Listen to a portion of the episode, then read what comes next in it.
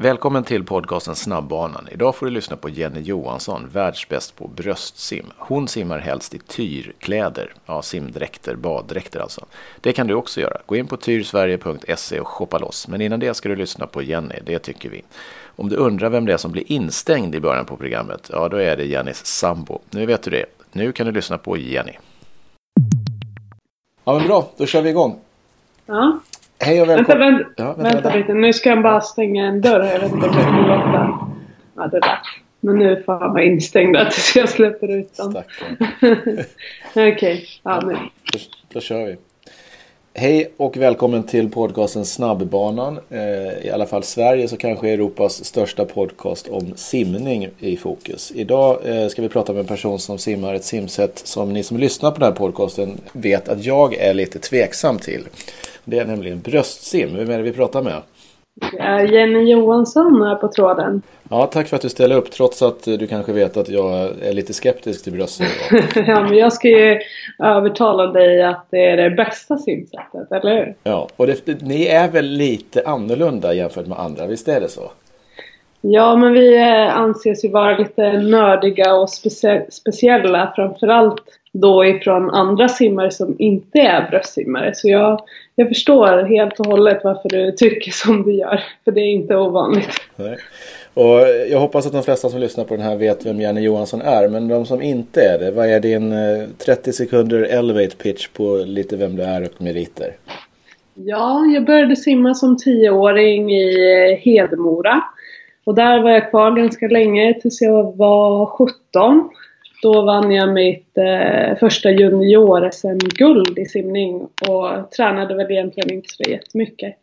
Det var där som jag tog eh, ett beslut eh, om att satsa på simningen. Och sen eh, började min resa in i elitsimningen kan man säga. Och där har det blivit eh, x antal SM-medaljer, EM-medaljer, men eh, högst upp på meritlistan skulle jag väl säga att mitt VM-guld kommer. Mm. VM-guld 2015 i Kazan på 50 bröstsim och för er som läser tidningar så såg man en otroligt lycklig Jenny Johansson. Det var väl så va? Ja, eller framförallt chockad kanske. Jag var såklart jättelycklig också men eh, mest överraskad över att det blev ett VM-guld för det var ingenting som jag hade själv förväntat mig och inte någon annan heller så det kom som en riktig skräll. Och hur ska man toppa en sån upplevelse? Vad är nästa grej som kan göra lika stort avtryck? Vad satsar du på då? Ja, man är ju lite knäpp. När man nu har vunnit VM-guld så vill man ju kanske pröva någon, något annat tillvägagångssätt för att se om man kan bli ännu snabbare och såklart försöka försvara det här VM-guldet. Så det är det jag gör nu. Jag tränar för fullt inför eh, sommarens VM i Budapest helt enkelt. Eller förhoppningsvis. Vi har ju våra kvaltävlingar nu till helgen här i Stockholm. Ja, just det. Om man hoppar till början här. Varför började du simma en gång i tiden? Ja, jag följde faktiskt med en kompis i träningen. Det var när jag var tio år och hon gick på simning och eh, skulle jag hänga med henne på helgen så fick jag ju inget annat val utan att följa med henne dit. Så på den vägen var det. Sen eh, efter ett tag så slutade hon men jag fortsatte. Så det var ju tur. Och vad, varför blev det just bröstsim? Var det, du, det var det så enkelt att du var bäst på det, roligast eller varför? Ja, det var nog helt enkelt så att jag var bäst på det redan från början och då är det väl så att det man är bra på tycker man är, roligt. Sen kan det ju ske för många att man blir bättre på något annat simsätt ju längre man håller på men för mig har det alltid varit bröstsim som har varit det jag är bäst på helt enkelt.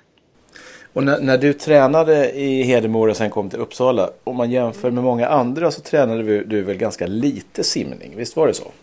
Ja, ja, jag simmade inte mer än fyra gånger i veckan om det ens var så mycket. Så det var just det då när jag lyckades vinna junior-SM-guld när jag var 17 som jag insåg att ja, men det här kanske jag ändå var ganska bra på. Och eh, när jag bodde i Hedemora så var det inte så jättemånga som höll på med simningen eller jo, det var ju några stycken men vi hade väl inte direkt någon elitgrupp på den nivån så det var svårt att liksom lägga till fler träningstimmar och hela den biten. Sen var det också svårt att kombinera skolan och simningen och få allting att stämma. Så därför blev det en flytt till Uppsala för mitt sista år på gymnasiet. Jag gick på idrottsgymnasium helt enkelt. Mm. Och om du hade fått göra om det, hade du fortfarande tränat så pass lite och fördelen med det med att man kanske håller motivationen längre eller hade du i så fall satsat lite mer träningsmässigt tidigare?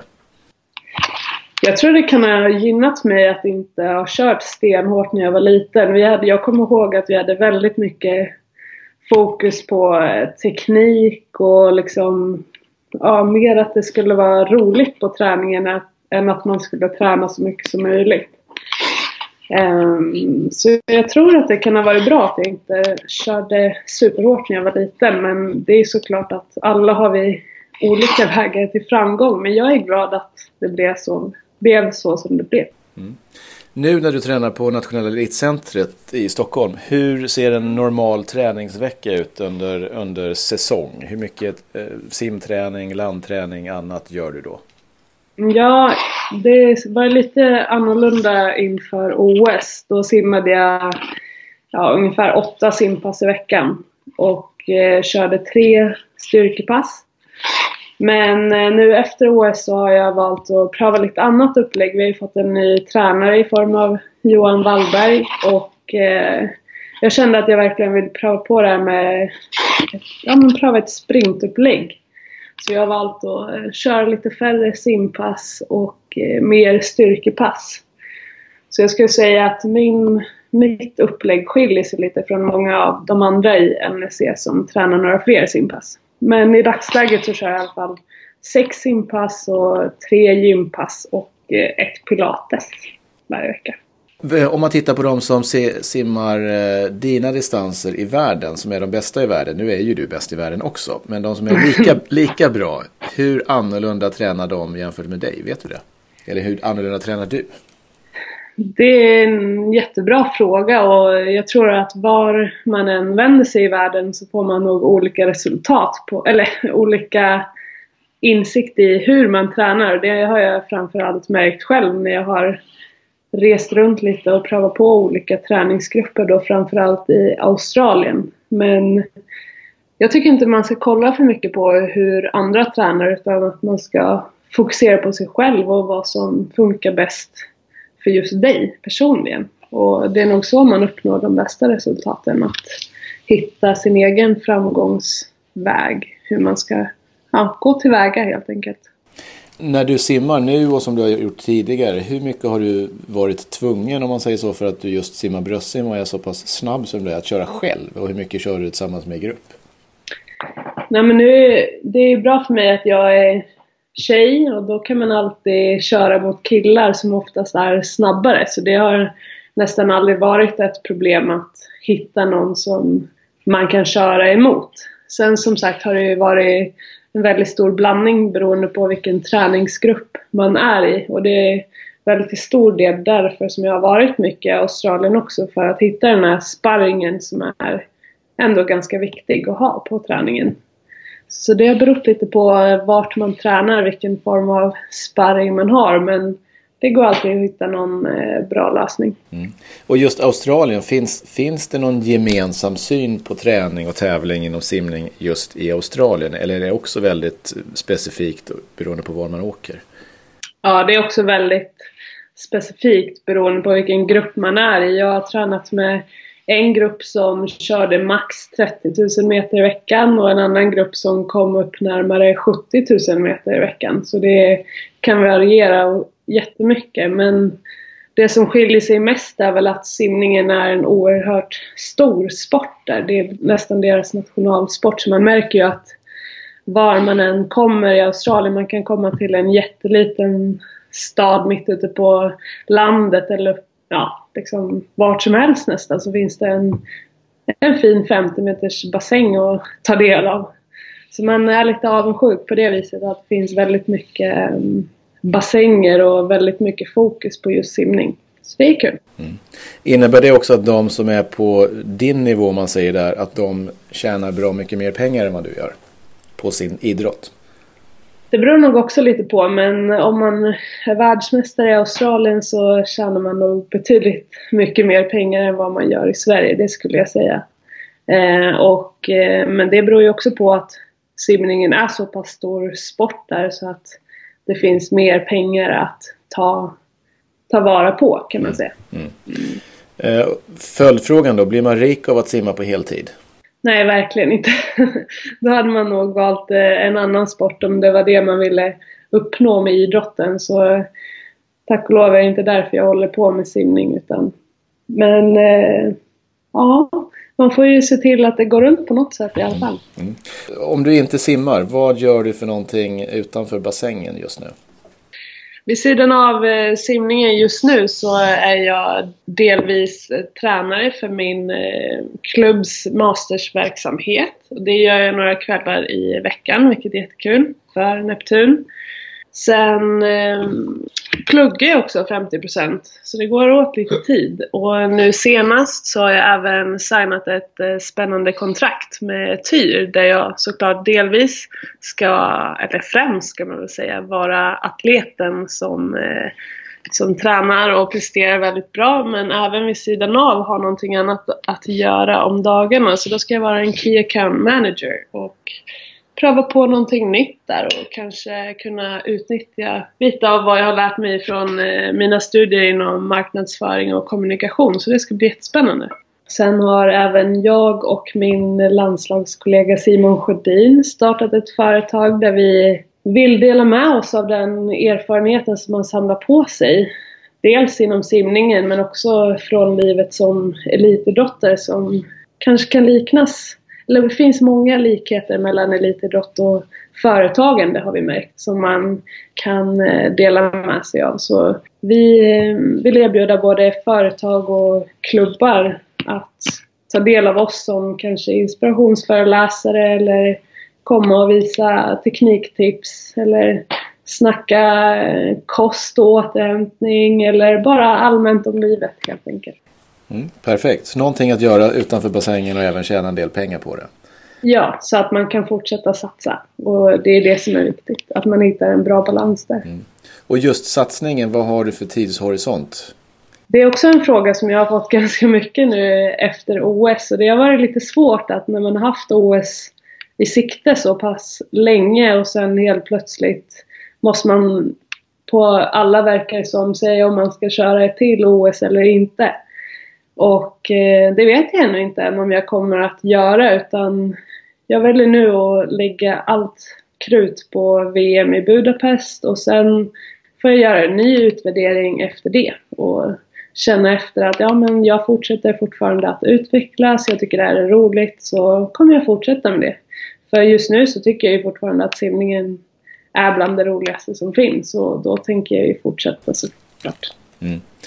Och vad, eh, du som har varit ute och rest eh, och tränat utomlands, du har också varit på massa internationella mästerskap och sett utländsk simning. Hur står vi oss i Sverige och vad är vi duktiga på tror du jämfört med andra länder och vad är de bättre på? Om man kan generalisera någonting. Det, ja, det beror som sagt helt på vart man hamnar och hur träningskulturen ser ut men återigen så tycker jag att man ska utgå väldigt mycket från individen. Eh, och det är väl någonting som vi är ganska duktiga på i, Sverige att var och en får eh, ganska mycket uppmärksamhet och kan utveckla sin simning och det håll man själv vill sträva. Ehm, sen tycker jag också att vi är väldigt mycket i framkant vad det gäller kost eh, och återhämtning. Sen eh, många är duktiga på att träna men det finns alltid saker att, att se och förbättra på alla bitar. Så det är svårt att säga exakt vad vi är bra på men lite så skulle jag säga. Mm. Ja, vi kanske blir också tvingade att vara duktiga på att ta tillvara de talangerna som finns eftersom vi inte är så många. Vi är inte så många. Nej men precis, vi har inte så mycket att välja på så när vi väl får fram talanger gäller det som sagt att vi tar tillvara på dem också. Mm. Du nämnde lite där kost också. och Det ingår väl i förberedelserna inför att simma fort innan tävlingar. Har du några speciella rutiner vad gäller vad du äter, hur du sover och vad du gör veckan innan viktiga tävlingar? Jag är väldigt noga på alla bitar skulle jag säga som är utanför poolen och det tror jag också är väldigt viktigt för att eh, kunna ta ytterligare ett steg framåt i sin eh, simsatsning. Att man vågar tänka på alla bitar just utanför bassängen. Och då blir ju kost och återhämtning väldigt stora bitar. Så eh, jag skulle säga att jag är ganska noga med vad jag äter för att just få ut det maximala av träningen hela tiden och tävlingen för den delen. Mm. Är det någon förändring du har gjort senaste åren eller har du alltid varit intresserad och noga med det? Nej men sen jag kom med i landslaget skulle jag nog säga att jag har varit väldigt noga på det och sen lär man ju sig inte allting över en dag eller ens ett år utan man lär sig hela tiden saker som man kan förbättra. Så äh, även idag skulle jag säga att jag fortfarande har saker kvar att lära men man blir ju bättre och bättre såklart. Tävlingen, när du tävlar, vad är den värsta typen av motståndare som du tävlar mot? Har du någon eh, hatmotståndare? Det behöver inte vara ett namn, utan typ av simmare. Nej, jag försöker mest att fokusera på mig själv när det kommer till tävlingsmomentet och inte tänka så mycket på vad alla andra gör även där. Utan det är jag som ska tävla och det är bara jag som vet hur jag förberett mig innan. Så försöker att ha så mycket fokus på mig själv som möjligt i, i tävlingsmomentet. Mm. Ditt Sen bäst... är det såklart, ja, jag, jag måste också säga att det är såklart aldrig kul att tävla mot någon som har fuskat. Det var väl det svaret man egentligen förväntade sig. ja, men eh, det kan man ju lägga till lite fint vid sidan av sådär. Eh, men att eh, största delen av tiden så ligger fokus på mig själv och min uppgift. Mm. Eh, ditt bästa tävlingsminne, är det VM 2015 när du vann VM-guld? Eller är det något annat? Nej, men det får jag väl lov att säga att det, det, är. Det är någonting som jag kommer bära med mig väldigt länge, förmodligen hela livet. Och än så länge skulle jag säga att det är, är det häftigaste minnet som jag har från simningen och när jag stod där på pallen och fick höra nationalsången och kolla och se mina föräldrar där på läktaren. Det var en häftig känsla. Och vad är det värsta simminnet du har? Oj, vilken svår fråga. Mm. Jag vet inte om jag har något riktigt eh, fruktansvärt minne så. Det är klart att man hela tiden stöter på motgångar när man, både när man tränar och tävlar. Eh, men det är någonting som man får försöka vända till sin sina fördelar istället och lära av sina misstag och se hur man kan gå vidare och göra saker bättre. Mm.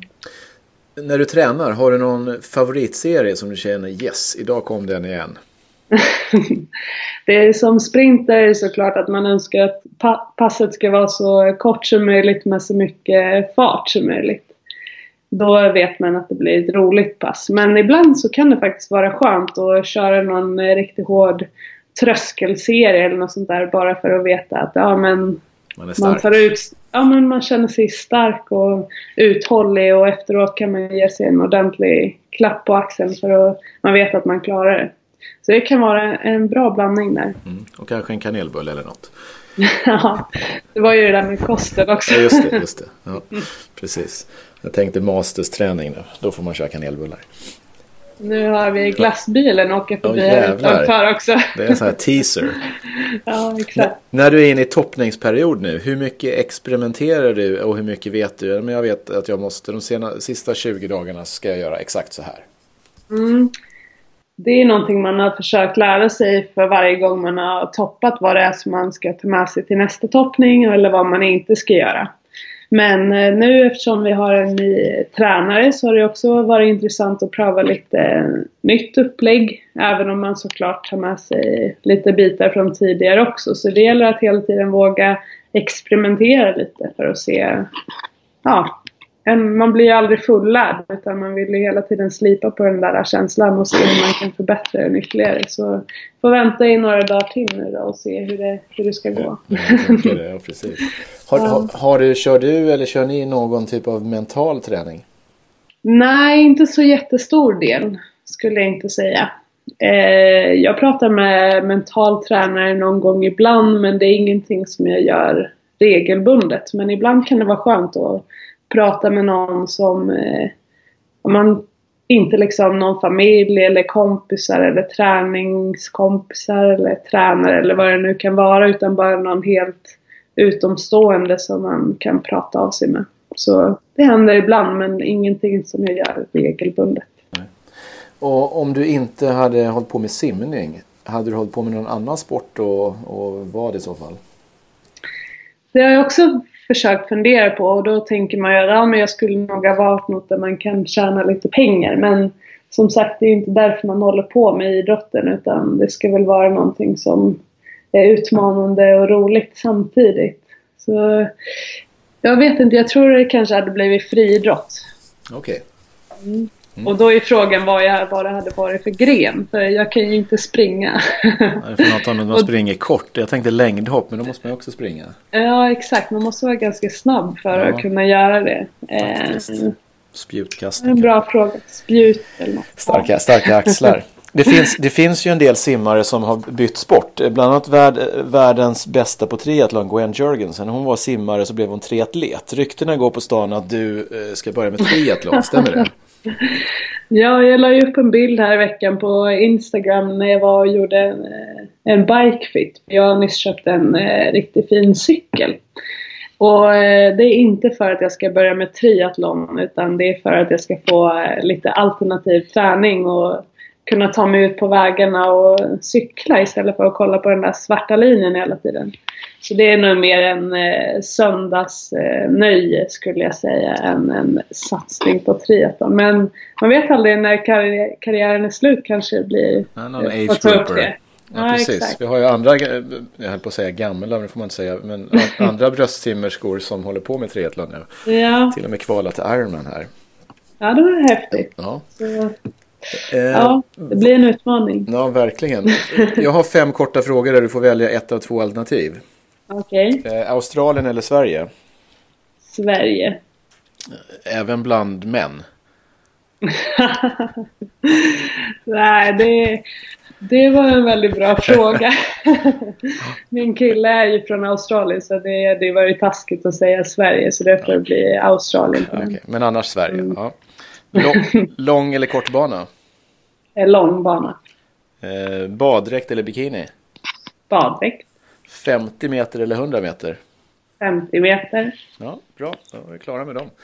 vem, vem ska jag intervjua i den här podcasten tycker du som har någonting eh, intressant att säga om simrelaterat? Jag tycker ju Michelle Coleman, det är en riktigt bra person. Nej men vi är väldigt bra kompisar och jag tycker att Michelle har nog många roliga historier att dela med sig av och kanske ännu mer träningstips från Australien då hon har tränat med lite mer eh, frisimsinriktad grupp skulle man kunna säga. Så det kan ju vara kul att höra om. och hon kanske föredrar australiensiska killar också, jag vet inte. jag får ställa den frågan till henne. Eh, två frågor kvar. Dels, har du något mm. bra tips till en 13-årig tjej eller kille som håller på med simning? Vad ska de tänka på? Men om man väl har kommit in i, i simvärlden så tycker jag att eh, då ska man vara glad att man har kommit dit. Eh, sen ska man ju inte vara rädd för att eh, prova nya grejer. Så eh, bara ut och eh, utforska sim-Sverige och sen förmodligen om man blir kvar ett tag ut och utforska simvärlden också. För det finns otroligt mycket att se och lära sig träningsmässigt men också väldigt många eh, nya bekantskaper att träffa. Så det, man kan lära sig otroligt mycket inom elitidrott. Mm. Så fortsätt ligga i och du kommer ha nytta av det hela livet? Absolut. Mm. Så den sista, nästan, nej inte viktigaste men ändå. Det finns ju mm. snabbbanor på alla simhallar. Mm. Eh, där all, alla möjliga sorters människor simmar. Eh, får man ha en pulsklocka, en Garmin-klocka på den där snabbbanan? Så det kan ju ha lite olika syfte. Jag lyssnade på en av dina podcasts förut där du sa att det var ett big no-no. Men sen tänker jag att ja, men har man inte så bra koll då så kanske det ändå är bättre att man vet vilken puls man ligger på. Om man är ändå inte, men som en elitsimmare så blir man oftast mer störd av den där klockan än vad det hjälper. Men på en motionsnivå kan jag ändå tycka att, ja men varför inte? Så att man gör rätt träning. Att man inte ligger för högt i puls eller för lågt i puls.